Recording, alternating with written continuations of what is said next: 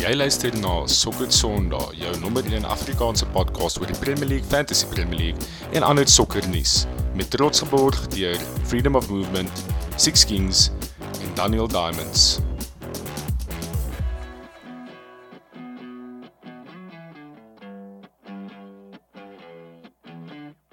Okay. Goeienaand en welkom by nog 'n episode van Sokker Sondag, jou nommer 1 Afrikaanse sokker Premier League, Fantasy Premier League, al die Premier Leagues podcast in Afrikaans ons taal. Ons is terug na 2 weke amper se break. Uh soos jy kan hoor, Christopher Falk is hier vanaand saam met ons hier. Hou 'n lekker vakansie in die Wes-Kaap. Uh maar ons het 'n man terug wat self op vakansie was. Konas, welkom terug. Lekker om jou baas, gesigte goed om sien. terug te wees. Yes man, het jy gemis? Ons het Konas Konas gemis. Dis hoekom ons Yes, vanaand ek het daar ek het op vakansie dan luister ek na julle podcast en like baie keer kak gepraat. hè. Julle kies altyd om kak te praat wanneer ek weg is. Kan ek nie myself Ek doen verdedig nie. altyd. Ek gooi altyd so so Skyly United Arsenal jab en as jy Jy en jy ek en Brenna se se Arsenal United predictions was great geweest. Ek het dit geloof. Ja, dit ek het ek het hard gesukkel uh met daai ene. Obviously, ek moet ophou met dit want elke keer vang dit vir my.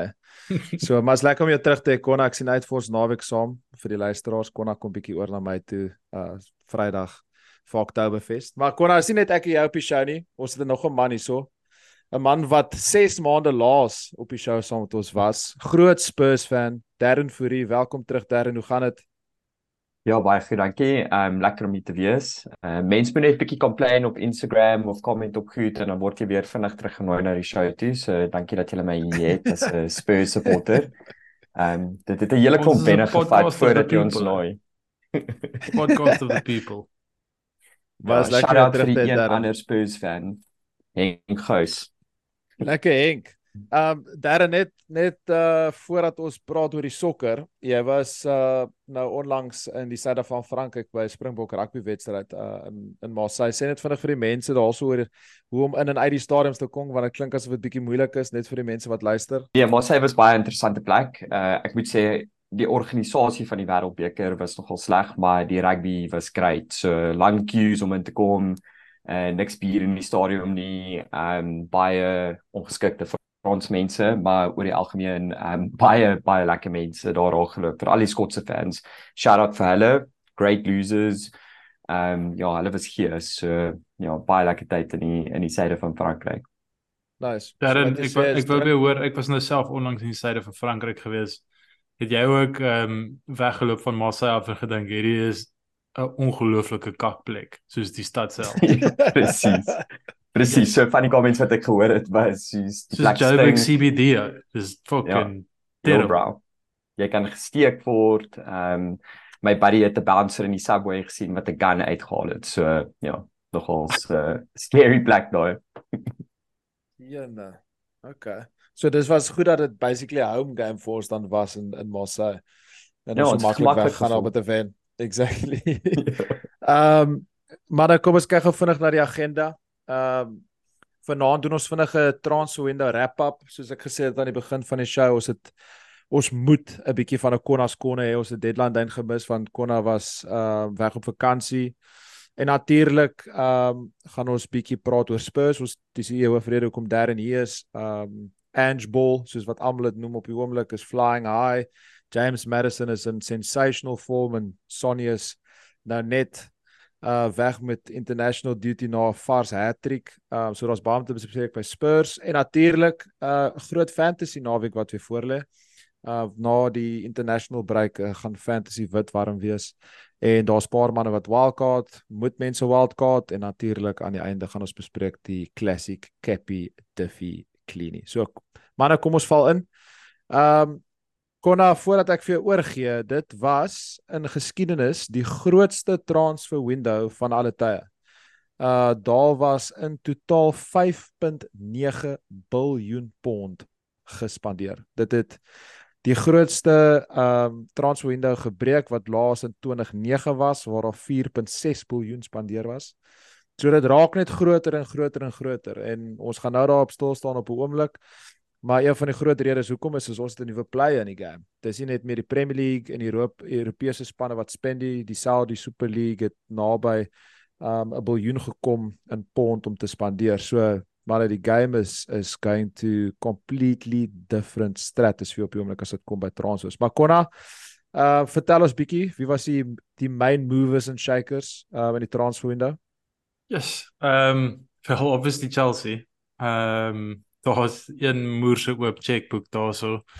Ehm um, gaan ons nou val ons nou al in die ratings in of chat ons eers net bietjie oor soos die net Kost, wie, ja, wie, ko, exactly. kom ons Kom ons chat eers bietjie random en dan Yes, exactly. Ehm um, ja. Arsenal selfie ehm um, die die checkbook oopgemaak. Ehm um, Liverpool hulle hele midfield gerebuild. Ehm um, West Ham hulle het 'n groot incoming in terme van spelers wat hulle geteken het, maar ook obviously al die geld wat hulle vir ons af gekry het met Declan Rice. Ehm um, julle was self nie spaarsamig, julle en Spurs was nie spaarsamig in die window nie. Ons is En dan die res was maar so of die die verwagte vlak van ehm um, van aksie en ek dink uh die probleem die probleem wat mense vind is dat en dit Chelsea help nie met die feit dat hulle so baie geld spandeer nie. Maar die Premier League tax gaan net op. Nou ek meen daar jy, jy kan nou 'n speler wat skaars iewers in Frankryk gespeel het en as jy van die Premier League afkom en jy wil hom teken, dan kan jy sommer weet jy gaan 30 plus vir hom betaal of dit sin maak of dit ware vir geld is, dis maar nou net so. Ehm um, Absoluut. daai daai transfer window gaan volgende seisoen weer gebreek word sonder twyfel. Ehm um, Absoluut. soos jy gesê het met Saudi, soos hulle gaan nie op nie, hulle gaan ook begin meer, hoe kan ek sê, in hulle prime spelers sign. Nou kan jy dink die fooi die fooie wat vir dit gaan begin rondval. Imagine gevinnig soos Absoluut. Hulle kom en hulle wil vir Bruno sign, soos jy gaan hom vir soos Ja. 200 plus verkoop. Uh Letterlik. Ons So- ons het dit gesien in die golfwêreld, right? Soos uh, wat die Saudis kom doen het daar, hulle het dit heeltemal disrupt. Um dit is 'n worrying trend dink ek, want ek wil net verstaan en ek het 'n vraag vir vir julle. Ek weet nie of julle dit kan antwoord nie, maar hoe werk FIFA financial fair play? Waar waar kom dit in spel? Um you know, wat, wat se regulasies is in plek om sulke goed te te kontrol? So dis basies die probleem is dat daar is nie FIFA financial fair play nie. Daar is UEFA en daar's soos ligas het self uh financial fair play. Ehm um, maar uh, uh, iets so Saudi-Arabië sit heeltemal buite enigiets. Hulle is soos ek weet nie eers uh, hulle het seker deel van soos die Asian uh Champions League. Ek's nie seker of hulle is nie. Ja.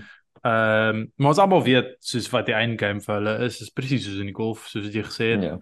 Hulle gaan groot geld gooi en spelers oortrek en dan eventually gaan hulle in die Champions League probeer kom. Ehm um, en ek sal nie verbaas wees as dit gebeur nie. Ehm um, en dan dan van daar af sal hulle begin comply met financial fair play en al daai goed, maar dan is die skade klaar gemaak. Verstaan jy, soos dit is is al klaar verby dan. So Nee, dit was 'n dit was 'n moeilike window en ehm um, ek dink as Ja, ek 'n paar spanne shout-outs voor Mm. moet gee, ehm um, in terme van ratings, ek sal sê West Ham amazing window.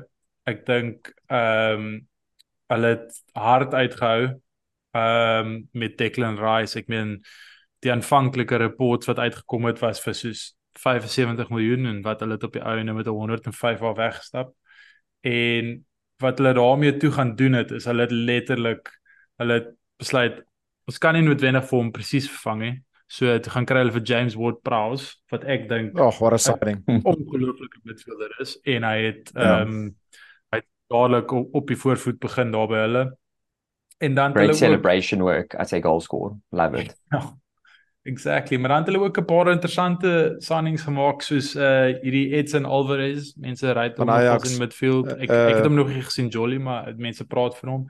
En het selfs met uh, met uh Mohamed uh Kudus. Kudus. Ehm um, ek dink almal onthou hom van die Liverpool game.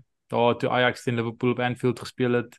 Hy het 'n baie goeie goal daar geskor en weer eens soos ek het hom nie gesien nie, maar soos die die ehm um, die footballing world dryf oor hom. Die manne op die Athletic het basies vir hom vir al die groot klubs voorgestel as 'n as as daar iemand is waarvoor hulle moet gaan is dit is dit hy. En ehm um, laastens het hulle vir 'n uh, 'n ou Arsenal man geteken. Uh, uh en die die kat baans, hulle die kat geteken. Hey, Mavropanos. Oh wait, all the way back from Nuremberg. Exactly, nee, Konas, jy jy jy het ook 'n 'n 'n goeie ene gemis wat ek dink jy gaan nog as van nou is is West Ham se net spend was plus 7 miljoen, 17 miljoen. So hulle het actually geld gemaak. Hulle het meer geld uh ingekry as wat hulle spandeer het as gevolg van natuurlik Declan Rice daai signing wat ek nog steeds dink 'n hmm. baie goeie signing is vir julle. Uh maar daai signings wat julle net uitgenoem het. Ek bedoel vir WordPress se sign vir 30, vir Edson Alvarez vir 35 en vir Kudus vir 38. Ek dink Kudus het op sy laaste game die hat-trick geskor vir Ajax. Um so dit lyk asof hulle regtig warm is en ek 'n groot naam wat hulle moet net noem is, is hulle daai John Lucas Camacha wat 'n bietjie van 'n troublemaker was wat hulle gesign het weer terugverkoop Serie A toe. So nee, ek ek stem saam met julle het 'n great window gehad. Um En ek dink is pretty unanimous onder die klomp vir ons. Uh ek dink die, die mense sal ons rating sien nou in die volgende paar dae, maar ek ek dink amper net net Klampa het nie vir hulle in die die A bracket gesit nie wat basies beteken hmm. ons was pretty unanimous dat hulle hulle nee, baie nee, goed ja. gedoen het en ek dink dit wys basies dat hulle het die die window gewen. Exactly. Ja. En ek bedoel ons ons gaan um definitief na die na die na ons ons ep, uh, die podcast gerelease het gaan julle almal sien op social media ons het 'n ranking gedoen van almal se se transfer window wrap up so gaan almal kan sien presies waar ons almal gerank het. Want ons gaan natuurlik nie stil staan op elke liewe span se ranking nie want ons het net eenvoudiglik nie genoeg tyd nie maar dit is interessant wat almal al genoem het. Onder andere Darren jy het ook West Ham ehm um, daar neergesit maar jy het vir Newcastle in jou A ranking gesit. So ek uh, baie nuuskierig om te hoor hoekom jy dink Newcastle ehm um, het 'n uitstekende transwinde gehad. So obviously word ek uh, heavy beïnvloed deur 'n baie goeie vriend van my, Andre Ladham, um oor die enigste Newcastle supporter wat ek ken. Die JB Jordy. Exact altwee JB. So um dis waar die connection van onkom, maar so vir my het dit gaan oor Harvey Barnes. Um ek dink ook soos ja, Newcastle het nou al die Sarri geld en goed, maar hulle spandeer nie crazy nie. Um, hulle het baie van hulle spelers so Saint Maxime wat miskien nie 'n goeie transfer was nie. Ek dink hy het nog 'n paar uh jaar in hom gehad om te bly by by Newcastle. Um, maar ja, oor die algemeen exciting um, transfer window. Uh soos jy sê, die die Saudi speel 'n baie groot rol in dit. Um, ek was baie verbaas om te sien hoeveel mense van Liverpool af Saudi toe gaan het. Uh spelers soos Fabinho. Um, so ja, maar ons sal meer praat oor die Spurs uh, transfer window net yes, nou. Ons sal ons sal naby kom. Ja, ek dink 'n baie interessante een om ook uit te lig by Newcastle is hulle 'n uh, ongelooflike high rated midfielder um in sy prime uit Italië hmm. uitgelok. Um in Sandro ja. Tonali. Presies. Wat gaan ja. vir 55 miljoen pond en as jy nou kyk na daai Newcastle midfield is pretty formidable met mm -hmm. uh, Bruno Camaraes, Tonali en en Joe Leonton. Kyk, begin van tot hulle seisoen was nie baie great gewees nie, maar kon ek wil spesifiek by jou goor by Newcastle. Hulle het nogal twee jong lighties gesign daar agter om hulle backline bietjie te refresh. Pretty unproven. Ehm um, ek bedoel die een het gegaan vir baie geld en die ander het 'n groot uh reputation. Wat het jy gedink van Livermore en Lewis Hall as as signings vir Newcastle? Ja, ek meen ek ek persoonlik het vir vir Newcastle as 'n see gesit. Ehm um, hmm. en die die rede hoekom dis weird want aan die een kant dink ek hulle het baie goeie besigheid gedoen in terme van ek dink Tonali is 'n great signing. Ek dink Harvey Barnes proven experience great squad opsie. Yes. En dan het hulle 'n bietjie future proofing gedoen met Livramento en Lewis Hall. Ehm um, maar die rede hoekom ek dit vir hulle gesê gesê het hulle is 'n see is dat ek voel net nie hulle het die ceiling van daai span regtig gelig nie. Ehm um, as jy as jy kyk na die ekstra hoeveelheid fixtures wat hulle gaan hierdie seisoen, die feit dat en ek dink dis hoekom hulle bietjie sukkel in die begin is dat almal weet nou presies hoe hulle speel. So almal sit op vir hulle en stel op vir hulle en ek ek dink nie hulle het genoeg gedoen om om regtig waar hulle vlak te lig. Ek meen byvoorbeeld soos hulle is een Sven Botman besering weg van 'n baie average center back pairing. Ehm um, ek weet nie ek weet nie eers wat daai Swits Switserland bro op wat right center back speel se naam is nie, maar soos Skaars. Hy's nie Skaar- great ja, skaar. soos Ja. hy hy hy kom nie na by enigiemand van die top 6 7 spanne se starting line-ups nie. Soos niemand se vir hom Mm. gaan nie. En ek voel hulle het 'n konsolideer transfer window gehad maar op die verkeerde vlak. Ehm Ja. um, ek dink hulle moes persoonlik dink ek hulle moes bietjie bolder gewees het, maar terselfdertyd ek dink hulle speel 10-10 en ook die lang game in terme van hulle weet hulle gaan met baie clever accountants gaan hulle al daai geld inkry. So terwyl al die aandag op hulle is, sal hulle nou nie te erg gaan nie. En dan volgende seisoen speel hulle vir so 3 seisoene Europa League en dan fucking iewes skielik het hulle meer ge, meer revenue as uh City en dan kan hulle mos almal koop. So Triple Mbappe. exactly. Ja, ek het-. Ja, kon ek ek stem saam met jou. Ek het vir hulle D gegee. Um ek dink persoonlik presies, ek gaan nie nou herhaal wat jy gesê het nie. Hulle het nie nou gesign nie en ek Darren maak 'n goeie punt dat hulle is baie kieskeurig wie hulle sign, maar dit is die seisoen gewees waar ek dink hulle moes meer gesign het wat hulle gedoen het. Jy jy's 100% reg kon hulle is 'n paar beserings weg van in 'n paar posisies van regtig bietjie van 'n mid-table finish. So gaan interessant wees om te sien of Newcastle uh, die corner kan tin want hulle definitief baie goed begin um hierdie seisoen. Ja, nou 'n lekker rand van fixture, so kom ons kom ons Hmm. hou dit dop. Uh Hulle maar nou, hulle een wat hulle ek moet um, ook Champions League doen in die Ja, die jaar exactly. of die seisoen. exactly. Ja, So hulle exactly. kort they need squad depth. So En hulle het 'n ja, vir of death. Hulle- sê. Ja. Die moeilikste groep in terrible. die Champions League. So Ja. Rude awakening Ja. wat voor lê vir hulle. Dit gaan baie interessant wees om dop te uh maar ons ons hoef nie nou deur elke liewe span te gaan nie. Ek dink daar was al baie gesê oor Chelsea. Ons het ook al stil gestaan op uh United. Falk het ook al in diepte op die show gepraat oor Liverpool en 'n midfield rebuild. Ek dink 'n interessante plek om om by stil te staan is definitief in die lower end of the table. Um Konna, uh, jy is iemand wat ook vir vir Everton naby volg. Het Everton genoeg gedoen met daai laaste signing van hulle om hulle in die Premier League te hou want hy lyk asof hy dalk 'n bietjie van 'n handful kan wees in hierdie Beto van Udinese. Hy lyk nogals na 'n unit. ek uh, um ek gaan net gou vinnig die topik verander voor ek op dit Go. voor ek jou vraag beantwoord, maar ek wil net een laaste shout-out gee vir Brighton. Ek meen Hmm. daai ouens se se manier wat hulle spelers verkoop is insane. Hulle was in Januarie bereid om vir Moses Caicedo te verkoop vir 80 miljoen. Niemand het niemand wou dit betaal nie. Toe het hulle 'n deal ge-agree met Liverpool vir 105 miljoen. En toe op die einde verkoop hulle die bra vir 115 miljoen. So dis net soos Ja. wie ook al in daai exact uh boardroom sit, hulle Hmm. hulle verdien hulle bonusse aan die einde van die jaar. Ehm um, maar op jou Konna, Yes. Op daai punt nê, nee, ek het ver oggend net begin luister en ek het dit nog nie klaar geluister nie. Ek sal jou aanraai om te luister en ek sal aanraai om enige van die luisteraars dit ook te luister. Uh daar's 'n baie goeie pod um op Tifo Voetbal wat praat oor die value van holding midfielders en hoekom die pryse ja. op die huidige mark so hoog is vir spesifiek holding midfielders en hulle praat spesifiek van die van die drie ouens wat gaan dit vir 100 plus in Calcedo, Declan Rice ja. en Enzo Fernandez.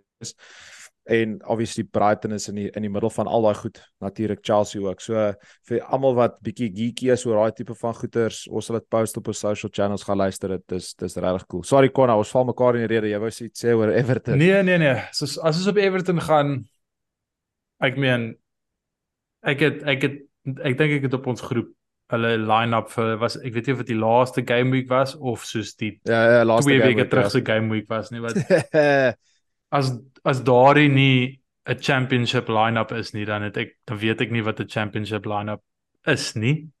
Ehm um, van o oh my goeie moer, daai squad is so fucked. Hulle het 'n span wat gesukkel het om goals te skoor laas seisoen. Ehm um, hulle het hulle mees creative midfielder in Alex Iwobi verkoop aan Ja. Fulham. Hulle het ehm um, ek weet die ou het nie baie gespeel nie, maar hulle het vir wat se naam? Uh Neil Mopey teruggeloon aan Brentford. Exactly. Ehm um, Richarlison obviously verkoop aan Spurs so ruk terug, maar Ja, was dit. Ons weet nie of daai goeie besigheid aan enige twee van die kante was nie, maar ehm um, uh hulle daai selfs daai Ellis Sims wat op 'n tyd vir hulle striker gespeel het, is ook gone vir een of ander rede. Ehm um, hulle het vir Jeremina soos hulle het letterlik soos ouens wat gereeld vir hulle speel verkoop. Calvert Lewin kan nie fiks bly in die shame, maar hy ou kan nie 'n Hmm. 'n break vang nie net toe hy sy hamstrings uitsorteer te kraak iemand sy wangbeen. So dis Ja, moes ek sien- lucky. Tom Tom Davies is ook weg, local, you know, Scouts Ja, Youth Mason Academy Lighty, Andre Townsend. Ja, nee, daar's daar's klomp ouens weg. Ehm um, En ek kyk dink nie hierdie die beta ou vorige Nee, ek Soos- sê ek het hulle vorige line-up net konna. Hulle het vir 'n man met die naam van James Gardner wat in United Academy was, nê, nee, wat 'n holding midfielder is tradisioneel gespeel op right mid soos right wing. Dit is die tyd waarin hulle is, net om dit in perspektief te sit. en het hulle op right back agter hom vir Ashley Young gehad. Hy speel left back, hulle vir Patterson gehad op right back. Ja, nie Ashley Young beter staat in die Premier League vir Everton. So dit is die Le op left squad. op left back. Ja. Oh. Nee, ag weer eens ek het nog nooit eers gehoor van hierdie beta ou nie. Ek het al gehoor 'n paar van daai ouens op The Athletic en so sê dat hy's hy is 'n handful en hy's exciting. handful, so ja. So sal sien hoe dit uitwerk, maar ek dink een ou is nie genoeg nie.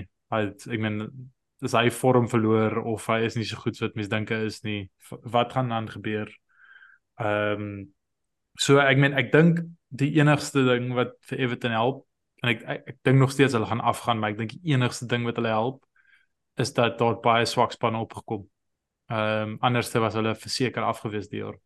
Ja, ek stem. Ja, ek stem. 100%. Want ek dink baie van daai spanne as jy kyk ook na Wolves en ek dink as jy net kyk na die onderkant van die tafel moet ons definitief ook praat oor Wolves. Ek bedoel ek ek kan nie onthou wanneer laaste span so slegte window gehad het soos soos Wolves nie. As dit kom by Wolves ranking moet hulle regtig van die laaste wees. Ehm um, ek dink hulle het ek het 'n stat gesien hulle het 17 senior spelers omtrent laat gaan uit hulle squad uit. Ehm um, en hulle het regtig nie baie spelers ingebring, recognized spelers ingebring wat van soos 'n groot verskil gemaak in hulle span. As jy as jy kyk na hulle het nou onlangs, hulle het vir Matthias Nunes is onlangs weg. Hy het geweier om op te daag vir training. Hy's hy's weg vir 53 miljoen. Gaan baie interessant wees om hom dop te hou. Uh want Pep het onlangs uitgekom en gesê hy is een van die beste midfielders wat hy blykbaar gesal gesien het in die wêreld. Uh hulle Connor Cody is weg. Uh Raul Jimenez is weg. Ruben Neves is weg. Diego Costa is weg. João Moutinho is weg. En dis net nou vinnig van die name wat ek hierna sien. So dit gaan regtig uh, Adama Traore is weg. Gaan gaan interessant wees om te sien um of hulle dit kan survive. Hulle het 'n baie goeie manager, ek moet sê. Um wat ek dink hulle gaan laat beter perform as wat hulle in in Gary O'Neil. Kom ons kyk of hulle dit kan maak. Uh boys, is daar enige ander span wat julle wil wat julle wil noem? Uh wat 'n goeie of 'n slegte window gehad het, Darren? Ek bedoel ons gaan obviously 'n bietjie oor Spurs praat en hulle transfer window in die in die Q&A session. So, ehm um, maar om terug te gaan na Wolves toe, wat gaan daar aan? Is daar financial problems? Hoe hoe lyk hulle finansiële situasie? Ja, FFP is hulle in hulle moer en hulle dis hoekom hulle almal moes verkoop. Ehm um, en niemand kon koop nie. Ja. Ehm um, dis maar ek ek ken dit nie in detail nie, maar dit dit was die onderliggende uh noise geweest. Ek sien 'n baie soortgelyke ding as wat gebeur het met Leicester. Ek bedoel Leicester weet ek nou meer spesifiek wat daar gebeur het. Hulle was maar heavy gehiet deur COVID en hulle het maar groot duty free company en hulle het maar net baie geld verloor en hulle moes net almal verkoop het. En kyk wat het gebeur vir Leicester van 2017 Premier League Champions wees na 2022. Kan nie wiskunde ja. doen nie, maar dit is nie baie lank verder wat hulle gerelegate was, jy weet. So ja. Ehm uh, manne ek ek wil net dit noem al he, is al so baie gepraat daaroor. Dit mens kan nie dit ignore nie. Mens moet net sê dat die tweede grootste spenders hierdie transfer window was nie in Europa nie en dit kom uit Saudi uit. Uh Saudi het 701 biljoen pond spandeer. Dis meer as Frankryk, is meer as Duitsland, is meer as Italië is meer as Spanje. Nee man, het, het jy nou gesê biljoen? 701 Ja, miljoen, biljoen. miljoen, miljoen, Miljoen, nou miljoen, miljoen, sorry. Nee, 5 nee, fi- Die hele PI fund spandeer dit. Ja, die hele die hele transfer window was 5.9 biljoen, sorry, 701 miljoen. Dis nou soos Jacob Zuma is. is Konna, jy weet ek en nommers is die beste buddies hier, Choba. Ehm, maar kan ons net gou 'n bietjie stil staan van hierdie name? Ek bedoel ons almal het kon nie geglo toe ons gehoor het Cristiano Ronaldo na die World Cup het saart toe gegaan nie. Ons gedink soos what a Hmm. guy, ruin his legacy. En letterlik 'n halwe jaar later gaan Neymar daartoe. ja. gaan Karim Benzema daartoe, N'Golo Kante, Fabinho, Sadio Mane, Americ Laporte, Riyad Mahrez, Bobby Firmino, Edward Mendy, Alan Lucas Moura, Lucas Moura, Mitrovic, Koulibaly, Ruben Neves. Konna, Mm. Konna, Sus, where's this going to end, bro? Ehm ek meen dit hang af hoe suksesvol die tweede wave is. Ek dink ehm as jy byvoorbeeld by die golf kyk, hulle het al die ou name gekry, ouens wat groot name Mhm. was. Ek meen ek dink as jy ook weer deur daai lys gaan behalwe nou miskien vir vir Nunez soos so enigiemand van daai ouens 'n groot transfer na een van die top 5 leagues toe gekry het soos die seisoen ek dink nie regtig nie dis ouens wat hulle is definitief verby hulle beste. Ehm um, maar dis presies hoe die golf begin het en toe het hulle stadig maar seker het hulle die Brooks Koepkas en daardie ouens van die wêreld begin oortrek. So ek meen obviously ehm um, die wa- wat sê ou se naam ehm um, Ruben Neves daai was 'n onverwagse een. Ehm um, maar ja, yes, dit is ehm um, dit, dit kyk dit hang als af van wat die toekoms is. Ek dink nog steeds dis baie ver weg van genuinely die ek dink met die golf is daar 'n baie en in golf is daar net basies twee ligas in die wêreld wat regtig waar saak maak. Ja. En Presies. in in sokker is dit bietjie anderste en ek dink is baie lank voordat jy byvoorbeeld vir 'n nou kom ons vat dit hier by die huis vir Bukayo Saka sê hoor hierso hierso is vir jou 'n miljoen pond 'n week om speel in Saudi jy gaan niks Champions League jolly jy gaan letterlik net Saudi League jol. Ehm um, ek dink ek dink daai is nog ver weg om eerlik te wees. Konna, Ja. dink jy daar's 'n kans dat daai soort ge- ge- gelyke effek kan hê waar hulle gaan so baie spelers kry en druk kry dat die besigheid sin so so gaan verander dat hulle dalk in die Champions League ingetrek kan word. Ehm um, Maar dan beer gaan die hele landscape verander. Ek meen ek ek ek ek ek, ek dink dit is die long game en ek dink dis waar dit gaan eindig. Wanneer dit gebeur dan dan verander sokker vir ewig basies. Uh sokker het 10 10 al klaar vir ewig verander as gevolg van dit. Ehm maar uh, hoe kan ek sê ek dink nie dit is binne die volgende 10 jaar nie. Ehm um, ek dink daar's baie werk wat voor lê voordat jy so ek ek dink dis ook anderste as golf net in die sin dat ehm um, ek het actually nou heeltemal vergeet wat ek wil sê so kom ons kom ek, ons los. ek sal oorvat op die golf, maar is soos die in, interessantste ding van die golf was soos hulle hulle probeer om iets te doen wat hulle wou doen. So hulle het gedink, okay, we're going to attract all the best players in the world, high value money players. En toe begin hulle sukkel want hierdie hierdie spelers kry nie major points of soos um hulle kan nie in majors inkom nie as gevolg van hoeveel golf hulle gespeel het nie. En dit- hulle kry ook nie world ranking points vir hulle live tournaments nie. En Liv het basies net gesê met hulle fuck you money, we'll just buy the PGA Tour. Van die PGA Tour besit en sponsor basies die DP World Tour en hou hulle float work. Ek dink dit kan in sokker gebeur nie, van ek dink daar's soos daar's regtig ander te veel high value commercial value. institutions. Ja, way te veel. So hulle maar hulle gaan oral probeer inkom. Hulle sal nie ophou nie. Um want that's the goal. That's what they want to achieve. Um so kom ons sien, maar die money is nogals endless. Ek moet sê dit is uh dit is gous 'n scary thought. En ek ek het actually nou onthou wat ek wil sê is dat wat, wat ook by die golf gebeur het is dat hulle hulle basies hulle basies die PGA Tour begin bankrot maak wat Ja. hulle die PGA Tour Exactly. Tour forceer om meer geld te moet betaal aan Hmm. toernooie en spelers as hulle wen en die PGA Precies. Tour besef hulle kan nie dit volhou nie en Hmm. toe het hulle hierdie merger gedoen.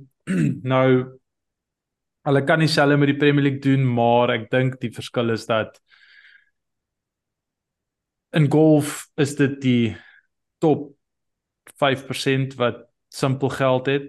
Die res van daai ouens toer rond en hulle kamp soms ja. om te kan speel. Exactly. So daar's die dis die die disparity is groot. Vir ja. die Premier League betaal klaar, ek meen seker die average wage in die Premier League seker soos 80000 pond 'n week. Nou obviously hulle kan baie meer aanbied, maar hierdie ouens kan nie poverty claim nie. Ja. Ehm ja. um, so ek ja, ek, ek dink die landscape is net bietjie anders en die kommersiële waarde van sokker is is ek meen is 5000 keer groter as die PGA Tour. So well, ja, 100%. Ek wil ja. ek wil net eindig op die en ek was verbaas dat hulle vir Ronaldo gesaan het. Uh en ek was nog meer verbaas na hierdie window. So ek sal nie verbaas wees as nog crazier goed gebeur in wêreldsport in in die Saudi in die Saudi Super League. Maar kom ons kom ons hmm. watch die space en kyk wat gebeur. Darren, ehm um, die laaste op die show was 6 maande terug was uh Andrea Conte nog julle manager. Presies, ja.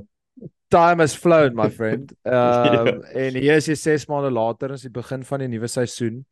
En julle het 'n Aussie, uh die eerste mm -hmm. Aussie ooit in die Premier League uh as 'n manager. Ek dink ons almal het so 'n eerste ding wat almal gedoen het uh toe hulle gehoor het Ange kom Spurs dus eerste ding het almal tog gegoogel is eerste hoe spreek jy se van uit en tweedens wie die fok is die ou uh paar games later dink ek almal het 'n baie goeie idee van Ange en Ange Ball, maar sal graag van jou perspektief af uh wil hoor hoe was die laaste 6 maande as 'n Spurs fans en en hoe's life onder Ange? Ja, eerstens baie interessant, soos baie left field vir ons. Um so dis Ange Postecoglou, um obviously from Greek descent. En wat hom baie interessant maak is obviously hy's 'n Australian, right? En toe ek gehoor het dat hy aangestel word, was dit baie moeilik vir my om nog Spurs supporter te bly van soos ons weet. Ehm um, die Australianers is desperate winners, win at all costs. Um, so erg dat hulle sal cheat in cricket net om 'n game te wen, right? So ons ons weet Letterlijk. wat tipe kultuur hulle bring.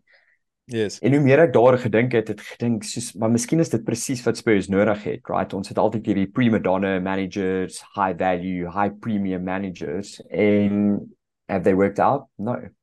Jy weet yeah. hulle soos Mourinho en Conte miskien nogal similar strategies gehad, maar imagine net gou daai mense in dressing rooms, highly emotional, alles is op emosie, nie bang om spelers soos in die public uit te call nie ek voel daar is 'n massive culture shift onder onder Ange en en jy kan dit sien in die spel maar jy kan dit sien in die spelers se behavior en attitude work. Uh jy kan dit ook sien deur die transfers wat hy maak en die mense wat hy sign. Um jy weet en ons kan meer daaroor praat maar Madison is nou prime prime example Ja nee ek wil ek wil definitief daarop stil staan want uh, ons het as Spurs nou nie gepraat oor Spurs se transfers nie maar ek bedoel julle julle het seker die die die grootste transfer window gehad want julle het een van die beste spelers in Premier League history verloor. Uh, iemand wat baie mense die argument gemaak het teen teen in die mhm. rekord sou gebreek het om die topscorer van alle tye te word. Dit en Harry Kane is weg baie en toe vir 100 miljoen.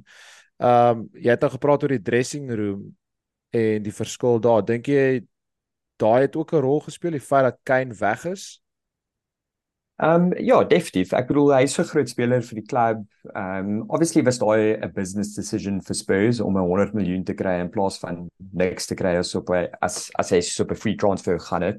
So ek dink ja. dit het as is ek verkeerd daar maar jy weet dit dit maak goeie besigheid sin vir Spurs om dit te doen, maar it was inevitable. Dit sou altyd gebeur het whether it happens this season of volgende seisoen. Ehm um, ek dink dit sou altyd gebeur het, maar jy kan sien die mense Madison is nie 'n direct replacement vir Kane nie, maar ek dink hy vul daai cultural leadership void in die dressing room. Um as jy ooit soos Madison interviews gekyk het, hy moet een van die mees positiefste mense op aarde wees. Soos uh, he's a very happy go lucky. Ek dink hy raak in sy eie kop as hy so sleg speel. Um ja, miskien is hy nog altyd baie goed. Hy speel net by swak spanne. So ek dink nou dat hy uiteindelik by so 'n groot span is so Spurs en het spelers om hom soos Son byvoorbeeld kan hom regtig lig om daai absolute premium speler te wees. So gaan interessant wees om te sien hoe sy seisoen uitdraai. Maar oor die algemeen great start, right? Ek bedoel massive impact ja, op die span. Ja, en as jy kyk ook na die die kaliber spelers wat jy ingebring het in die ouderdom wat jy ingebring het om vir Kane te vervang. Ek bedoel Brennan Johnson is omtrent wat 21. Uh mm -hmm. Pedro Porro is 24. Hierdie hierdie ja. Mikey van den Ven is 22. James Madison is selfs taamlik jonk. Um Konna uh, net van 'n Arsenal perspektief af wat ek weet jy het vir hulle rating gegee van 'n C vir 'n transfer. Nou hoe hoe voel jy na voel jy oor wie hulle ingebring het na na Kane weg is? Ja, kyk Bons, ek dink ehm um, ek dink soos Darren sê dat ehm um, hulle moes vir Kane verkoop. Dit dit dit was 100% die tyd om hom te verkoop. Hy sou nooit 'n nuwe kontrak geteken het, ek dink ek. Ek dink ehm um, as hy na free toe gegaan het, dan volgende seisoen bro, jy weet nooit die soos United kom en sê hierso kom vir ons ons gaan hierdie en hierdie teken ons gaan vir die title compete dan verstaan jy dan dan kan daardie tipe uh geleenthede kom en ek dink 'n groot ding vir Levy was vir feit dat hy nie in die Premier League bly nie. Ek dink daardie daardie kan mm. daardie maak altyd meer seer. Ek meen ek ek het baie geskiedenis in dit. Ehm um, ja. So ek dink uh, die die sekonde wat die geleentheid gekom het om hom na 'n ander liga te verkoop vir goeie geld, ek hulle moes dit vat. Dit sou letterlik finansiëel onverantwoordelik gewees het om nie daai daai geld te vat nie.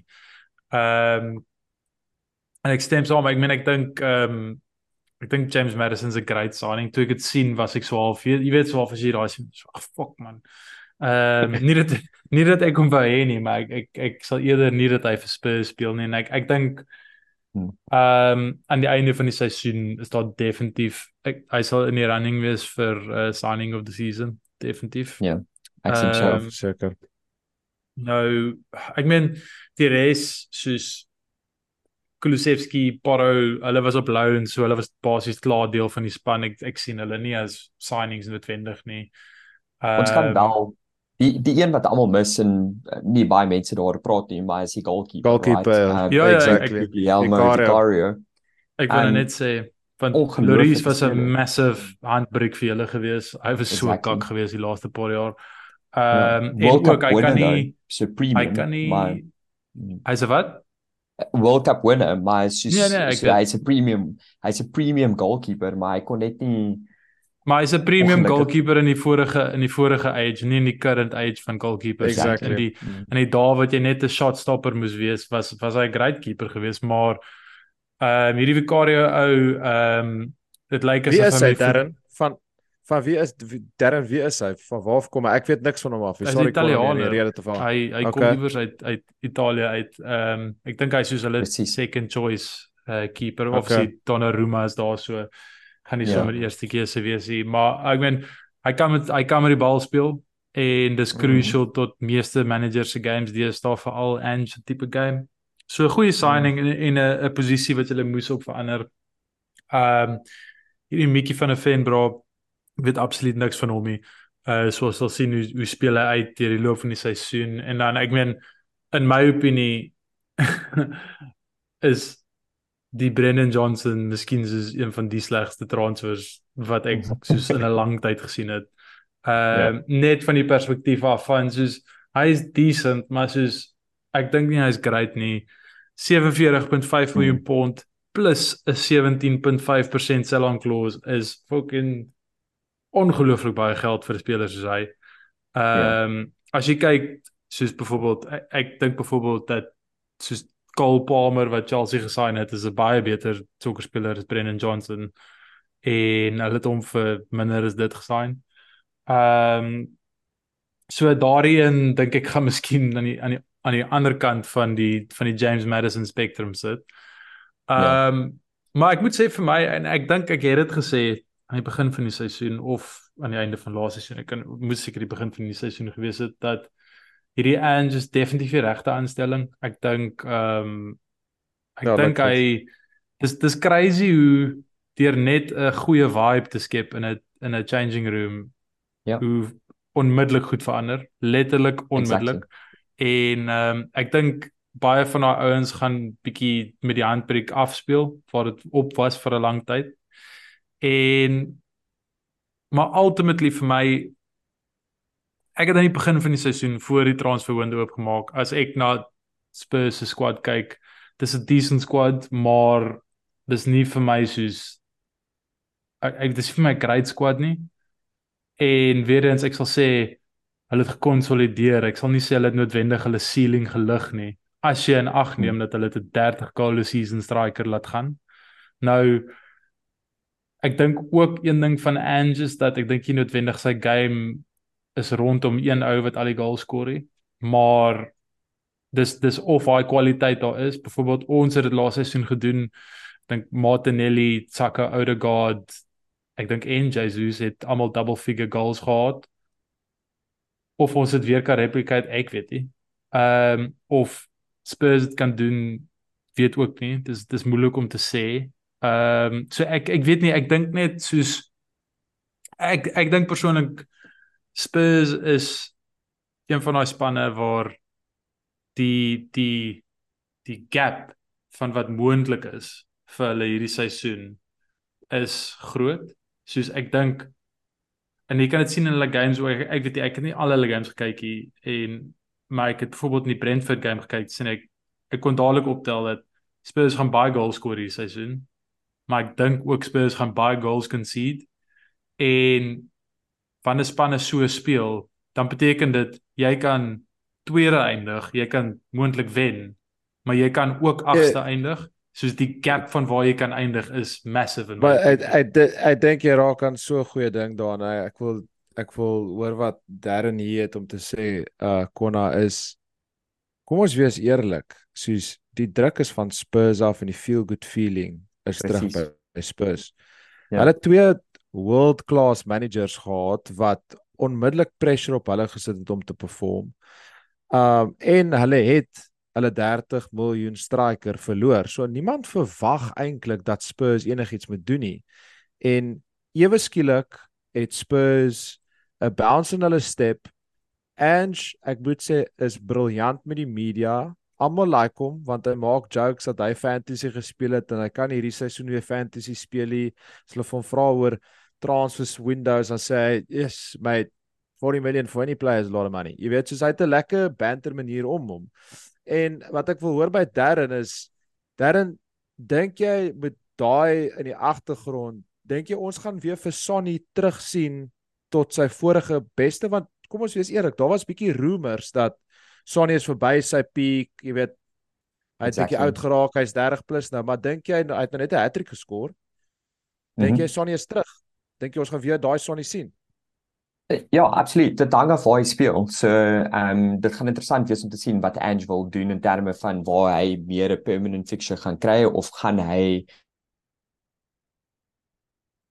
ons het nou net daar vir Darren verloor. Ehm um, so hang net aan kon ons net daai uit dit. Darren, jy het ja, easy easy. Ek's nou terug. Jy het begin net van die vooraf weet gesê dit hang af waar hy speel. Begin begin vat hom net van daar af. Okay, cool. Ja, so interessant om te sien waar San gaan speel. Uh ons het gesien laaste game week toe hy in die middel speel, toe toe skoor hy 3 goals. Um hy het die, hy het die kwaliteit om hom op die oomblik om goeie goeie bal te kry en hy's 'n prolific goal scorer. Jy kan dit nie deny nie. Die feit dat hy Golden Boot um twee seisoene terug gewen het, heavy under the radar. Niemand het eintlik daar gepraat nie. Jy weet, dit was net heeltyd so solid dit, solid that. Um en dit wys net wat kwaliteit kwaliteit speler hy is. Uh, maar terug te ja. gaan ja. op op Ange uh, transfer strategy en wat hy eintlik bou vir die klub. Kultuur is een ding, maar jy kan sien hy het 'n plan. Hy het nou vir Brennan Johnson gekoop ek stem saam. Almal kyk daarna en dink, "Hoekom die hel het hy hierdie ou gekoop?" Ek moes deur sy stats gaan lees en goed en okay, cool, hy lyk great by Nottingham Forest, maar soos in die Premier League overall was dit obviously nie great nie. So, maar die een ding wat hy wel gesê het is dat Brendan Johnson speel in 'n in 'n spesifieke manier wat ehm um, Ange nou gesien het en Ange van hou en Ange sien dit in sy span en wil wil hom daar hê. Hy het die selfe gedoen met die central back um Udogi like, fantasties op op agter. Hy het so great stats hy het baie final third touches. En dan gee twee twee assists hierdie seisoen al klaar so almal was gefokus op Brighton se Stupinan in die FPL maar Udogi kom nogal sterk deur wat wat cool is om te sien en dit begin weer eens net terug by die goalkeeper wat ons vroeër genoem het. Um in my opinie seker die beste transfer wat ons gemaak het in die sin ons kort 'n base en ons kort 'n confident goalkeeper wat kan uitgaan, uitspeel, uh die span in die gang kry vir hulle daai sort of forward foot momentum um energy te gee. So ja, overall is ek baie excited oor en ja, Sun is soos ons sê 100% terug. Um ek dink hy gaan nice. 'n mal seisoen hê. It's um Konrad nou mooi die spektrum in die agtergrond daar gestel waar hy gesê het Spurs kan enige plek tussen tussen 8ste en 2de eindig. Darren sê vir ons realisties gesproke met al die besigheid wat jy gedoen het in Anne's eerste seisoen, waar dink jy realisties gaan gaan julle eindig hierdie seisoen in die Premier League? So ek sal regtig hoop vir 'n vir 'n top 4 finish en ek dink om Champions League qualification te kry is hulle groot wen wees veral in Ange se eerste seisoen. Ehm um, ek dink die Ange gaan 'n een seisoen manager wees. Nie. Ek dink hy sal tyd kry, ehm um, selfs in die Premier League waar dit moeilik is, maar ek ek dink Levy werk nou met 'n long-term goal en besef hierdie is 'n long-term game. So invest in iemand wat die regte attitude en culture bring en en kyk vir ons eindig. Maar ek sou sê top 4. Ehm um, ek dink ons sal disappointed wees as ons nie champion uh, Champions League qualification kry. En ja, ons sal miskien soos laas jaar of laas seisoen se Newcastle wees, dink ek. Nice kan kan dit dat ek as jy dit sê beteken dit dit gaan 'n ongelooflike exciting Premier League wees want daar's soveel spanne wat vat vir die top 4. Ek sien Konna hier kom te prediction. sê. Maar ek like dit. Ek like dit en dis die rede hoekom uh Darren op die show is. Uh maar dan kom ons skuif van fantasy toe. Uh fantasy is terug. Uh ek dink vir ouens soos Konna en Darren is dit lekker dat die fantasy terug is vir my wat uh notoriously kak is. Is dit nie altyd lekker nie want dit is net 'n ekstra ding waar ek moet dink dat ek die uh vol noodwendig oor dink jy maar mens kan nie klaar nie met mense mense beste gee. Ehm um, voordat ons praat oor die spesifieke goed oor fantasy, kom ons kyk net vinnig wie is bo na laas game week in die sokker sonna want dit is heeltyd aan die beweeg. Um, as jy kyk, ons het Gustaf Viljoen wat laas die week voor laas eerste was is op 2.0 Ethan Olifant is eerste in die Sokker Sonna Liga het 'n mammoth game gehad wat hy 103 punte gemaak het. Hy staan op die oomblik op 294 punte. En kort op altoe daai manne se hakke is ons normaal weg uh ons ons aanbieder Christopher Valk uh wat regtig uitstekend doen hierdie seisoen. Um en nog 'n groot vriend van die podcast en vriend van baie van die mense op die podcast Nick Oosthuizen um is ook in die top 5 vir die eerste keer. So die manne is ernstig hoor en hierdie ouens Joel nie net vir pride hulle Joel for glory ook. So Konna uh, na 2 weke waar ons nie hoef te gekyk het na ons fantasy spanne nie. Seker ons wat 'n goeie game week gehad het, kon dit afgevat het, gechill het. Ek is seker jy was een van hulle wat op vakansie was. En dan so ander manne soos ek wat iets al begin vat het want my squad het catch up gespeel en nou die wildcard uh gespeel het in activis. Is dit 'n goeie tyd of 'n slegte tyd om te wildcard? Wel, dit dit hang af van jou squad. As jy soos regtig waar ongelukkig is met jou squad, dan is daar nooit 'n slegte tyd om te wildcard nie. Ehm um, ek sal sê daar's nog nie 'n template nie. Daar's nog nie daar's hmm. en ek dink dit gaan 'n probleem wees deur die loop van die seisoen basies is dat Ja, dink ook so. Veral in die mid, daar's so baie ouens wat wat af kan kom dat ek dink nie daar gaan 'n vaste template in die mid wees nie. So ek dink hierdie seisoen gaan dit meer gaan nie noodwendig 'n geval wees van jy moet wildcard om ten minste op die template te kom en dan van daar af kan jy bietjie tweak nie. Ek dink hierdie seisoen is meer 'n seisoen waar jy speel net jou wildcard as jy in die moeilikheid is, soos as jy soos vier ouens het wat jy moet wat jy moet skuif. Ehm um, ek uh, ek luister altyd na wat sê uit die die FPL General uh se ja. podcast. Ja.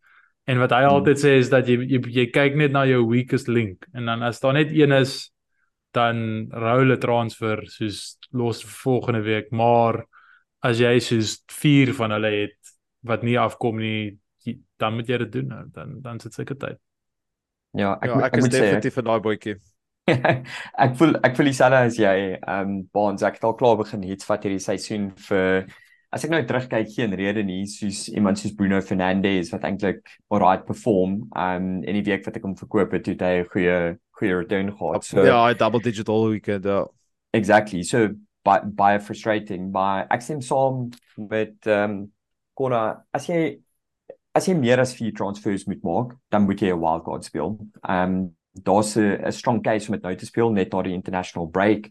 Ehm um, daar lyk jy vir enige major injuries is of mense spelers wat uit is nie so nou is die volgende target miskien om dit te hou vir game week 9 of selfs later. Ehm um, ek weet daar's 'n run of fixtures wat ehm um, Liverpool gaan hê en miskien is dit 'n goeie een om te target. Nee, ek jy's 100% baie mense target daai daai game week 9. Ehm um, mm. dink julle dit gaan 'n kwessie van 'n seisoen wees waar jy moet net seker maak jou geld is reg gebalanseer in jou squad en jy gaan moet regtig chop and change vinnig wanneer van hierdie spelers in vorm kom want kon jy dit dan net gesê soos in die verlede daai daai dit was jou span het gesettel want die die die template het gevorm en dan het baie mense op dieselfde tyd gewildcard en dan het 'n nuwe template gevorm en dan het mense baie keer transfers gerol en dan was die enigste differential was was captain picks eerder as exactly actual exactly. waar nou dink jy daar gaan 'n kwessie wees waar daar mense moet letterlik elke week transfers maak om op die trend te bly as gevolg van die kwaliteit van die league wat opstoot en daar soveel ouens is wat perform? Ja ek meen soos ek kan sommer klaar sien dat hoewel ek goed begin het ek dink nie ek ek soos ek ek dink ek sal 'n decent seisoen hê, maar maar ek dink nie ek gaan great doen nie want daar gaan so baie tinkering nodig wees hierdie seisoen ja, en absoluut. jy gaan elke liewe uh FPL Twitter account moet volg en line-up ja. accounts volg en daai fantasy football hub stats gaan kry van wie gaan vir die volgende 5 weke die meeste punte optel al daai tipe goed En ek dink as jy nie in daai level van detail is nie, is 'n ja. seisoen soos hierdie waar daar heel waarskynlik nie 'n uh, daar gaan miskien soos 4 must owns wees wat almal altyd het. Maar die res ja. gaan so rondbeweeg gebaseer op ja. fixtures ja. en beserings en daai tipe goed. Yes. Die beste ding wat vir die game kan gebeur en sommer vir die liga ook is dat Haaland net so sy hammy afskeer. Verstaan jy? Ehm ja. uh, want dan gaan dit interessant, dan gaan dit regtig interessant Abs raak. Absoluut. Ehm um, maar ja, ek dit dit nee, dit gaan 'n moeilike seisoen wees uit. Ja. Nee, dit gaan definitief. Maar kom ons sê dit gou, Darren hypothetically, uh en ek noem nou nie myself hier nie, maar ek noem myself hierso. Uh die ouens wat wildcard, uh wie as jy een speler kan sê, natuurlik behalwe Haaland wat in 'n wildcard span moet wees, wie sal jy sê moet in daai span wees? Ja, yes, dis 'n goeie vraag. Ek bedoel, ehm um, kon het gepraat van daar nie 'n template wees nie, maar ons definitief uh, spelers wat baie geoune is, Haaland, obvious Saka is daar op, ehm um, Rashford en Fernandes is daar so. Maar vir my hierdie seisoen waar dit gaan is regtig om die fixtures te target. So as jy strategy wil hê, moet jy probeer om nie iets te vat nie wat die oudste strategy ooit is.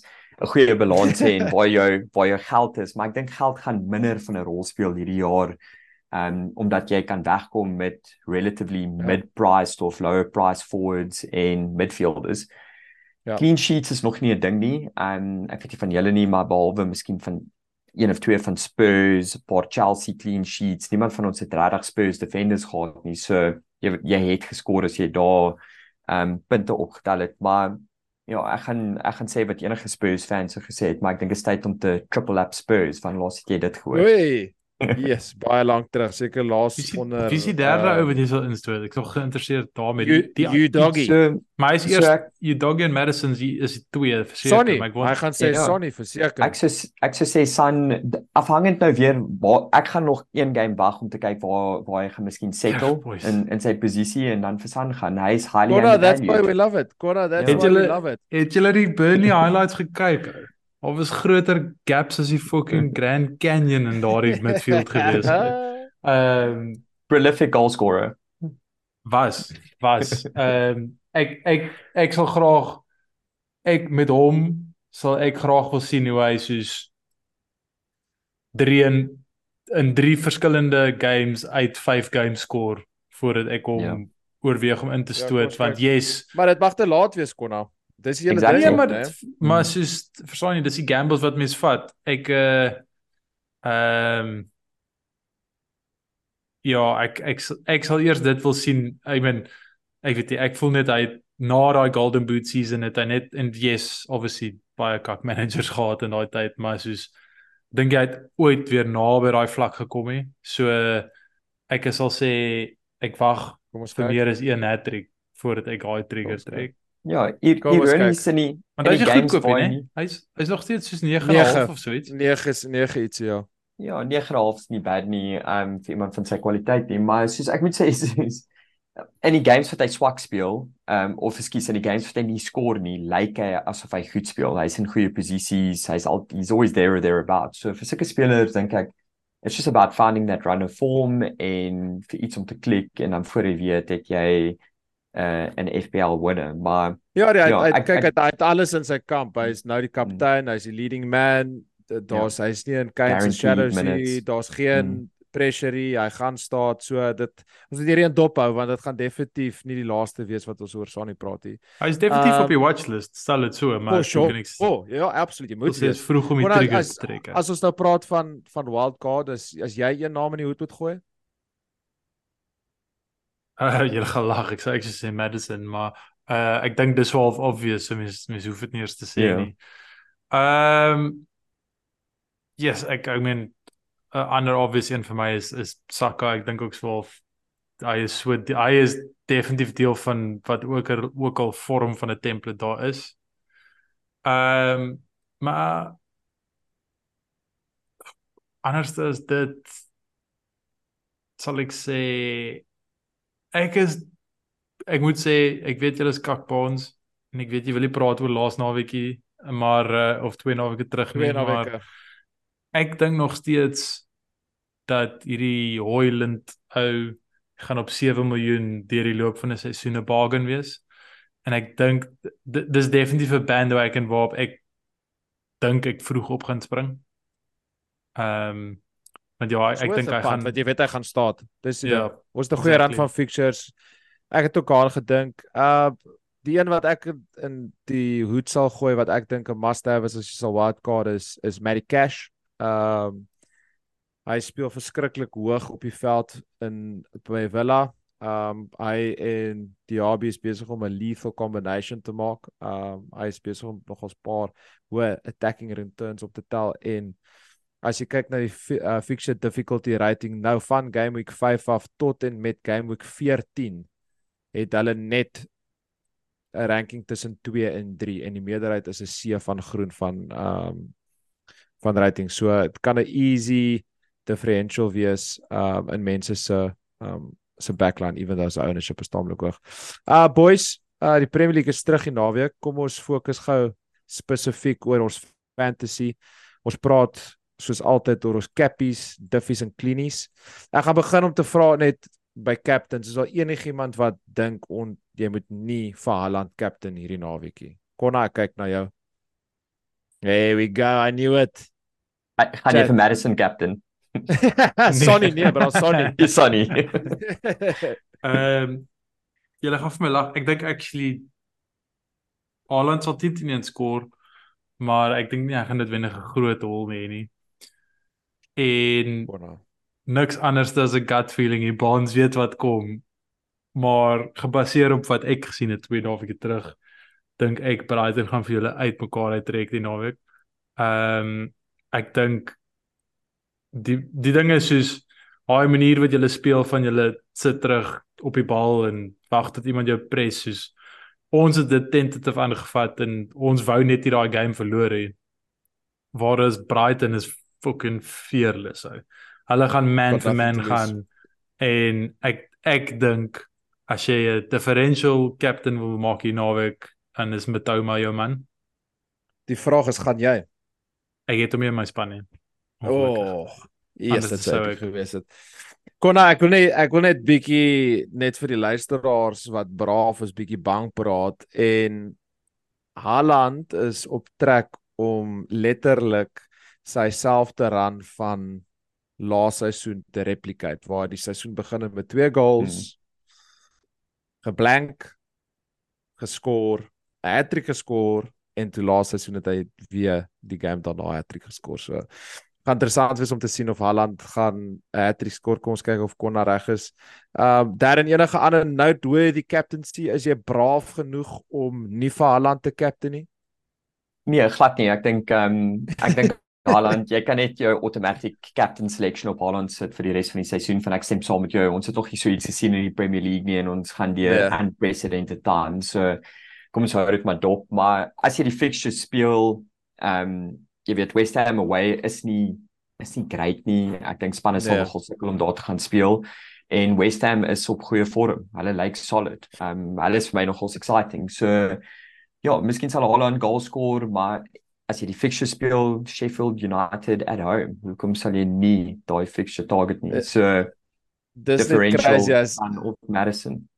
Dis net crazy as jy kyk, sy ownership is 92%. Ja, yeah, exactly. Dis unheard of. Mm. Kona as ons praat van um clean sheets, wie gooi in die hoed daar vir 'n clean sheet hierdie naweek? Darren is um hy's definitief in daai fase soos wanneer jy net begin 'n girl date en jy soos niks kan verkeerd gaan ja, soos letterlik ja. Uh It's been a while. It's been a while. yeah, fair enough, fair enough. Um ek dink Fulham Bonds. Ek dink um, Is dit? Ja, ek dink Luton is ongelooflik kak. Um Luton is wat Fulham so twee seisoene was, onthou jy waar ek altyd teen Fulham gegaan het. Ja. O ja, dit was hilarious. Ek gaan altyd ja. teen Luton gaan die naweek en ek, ek, ek, ek dink Fulham gaan 'n clean sheet hou. Ek dis swaalf ek dink uh, ons het gepraat daaroor die week op die groep. Ek ek dink ons moet begin op 'n punt kom waar soos jy kan nie sê Haaland is captain nie en jy kan nie sê City gaan 'n okay. clean sheet hou nie. Uit okay, van swaalf. Dis the given. Ja, net om soos iets anders te sê basies nie. En nee, fair enough. Ek dink ons kan daai begin net om dit bietjie op te op te mix. Darren, wie dink jy gaan 'n clean sheet hou? So soos ek vroeër in die show gesê het ook, ehm um, dis definitief nie 'n clean sheet seisoen om om jou af te skop nie. So dis dis seker die moeilikste ding om te call, maar as ek moes weer die fixture speel Sheffield United, ek het Udogie in my span, so ek gaan vir hom ehm um, vir hom skree as 'n as 'n clean sheet. Ehm um, en dan miskien met 'n bietjie van 'n van 'n attacking return, maar ja, kom ons kyk. Ehm um, ek hoop maar altyd vir goals. Ek is nie 'n clean sheet persoon nie. Ja, nee, ek dink daai jy het tog gepraat van of clean sheet, ja. Wie sal jy? Nee, ek Haaland. Uh, ek gaan vir Haaland captain. Ehm um, dis hoekom ek dit genoem het, want dit is taamlik obvious as ek nie vir Haaland sou gekaptein het nie, sou ek gesê het Saka teen Everton. Uh, Hoi Hoyland of Haaland sê jy? Haaland. Nee, ek, oh, ek, is, ek kyk ek is ek is braaf ek, ek is braaf but to be fair ek is ook so stupid. Ehm um, ek ek nee, ek ek gaan nie vir Hoyland uh captain nie. Hy's eers in my span nie, maar daai twee sou ek sou sê is captain en dan clean sheet. Ehm um, kon nou weet my nou dat sleg voel dat ek gaan sê Man City, maar ek dink Man City gaan te veel hê vir West Ham. Ehm um, en ek dink hulle gaan 'n clean sheet hou, maar ek daarin ek dink jy het ook 'n goeie call gemaak met Spurs ehm um, teen Sheffield at home. En dan die laaste een, een van my gunsteling segmente van die show, differential boys.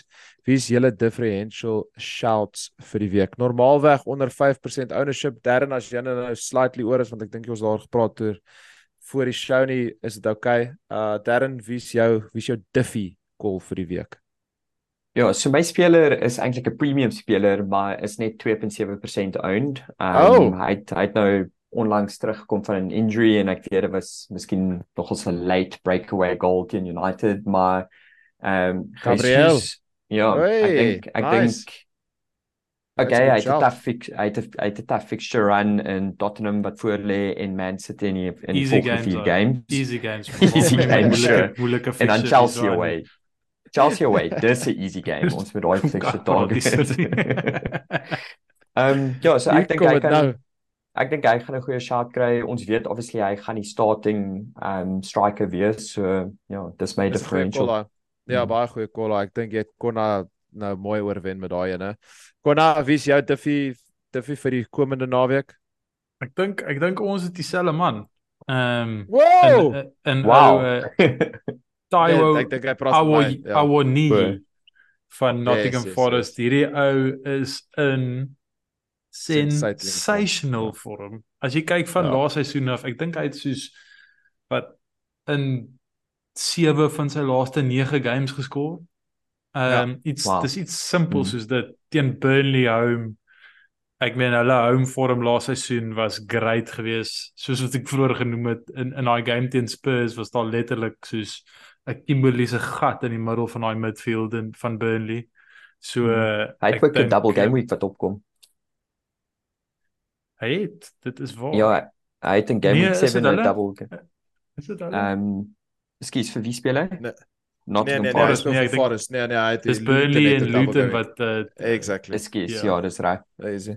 Ja, ehm, kon ek stem saam met jou. Hy's actually in my wildcard span. Ek gaan hom ek het hom in as 'n starting striker. Ek my plan is om hom vir vir ewig te hou nie, maar ek hy's net in te crazy vorm en met ehm um, 'n taamlike Worth Meltering Monday kick-off teen Burnley dan dink ek ons punt op die bord. Ja. Like it. Worth Boys. Mounting Monday. Wat wat wat is dit? Mooi mooi mooi watering. so mooi watering.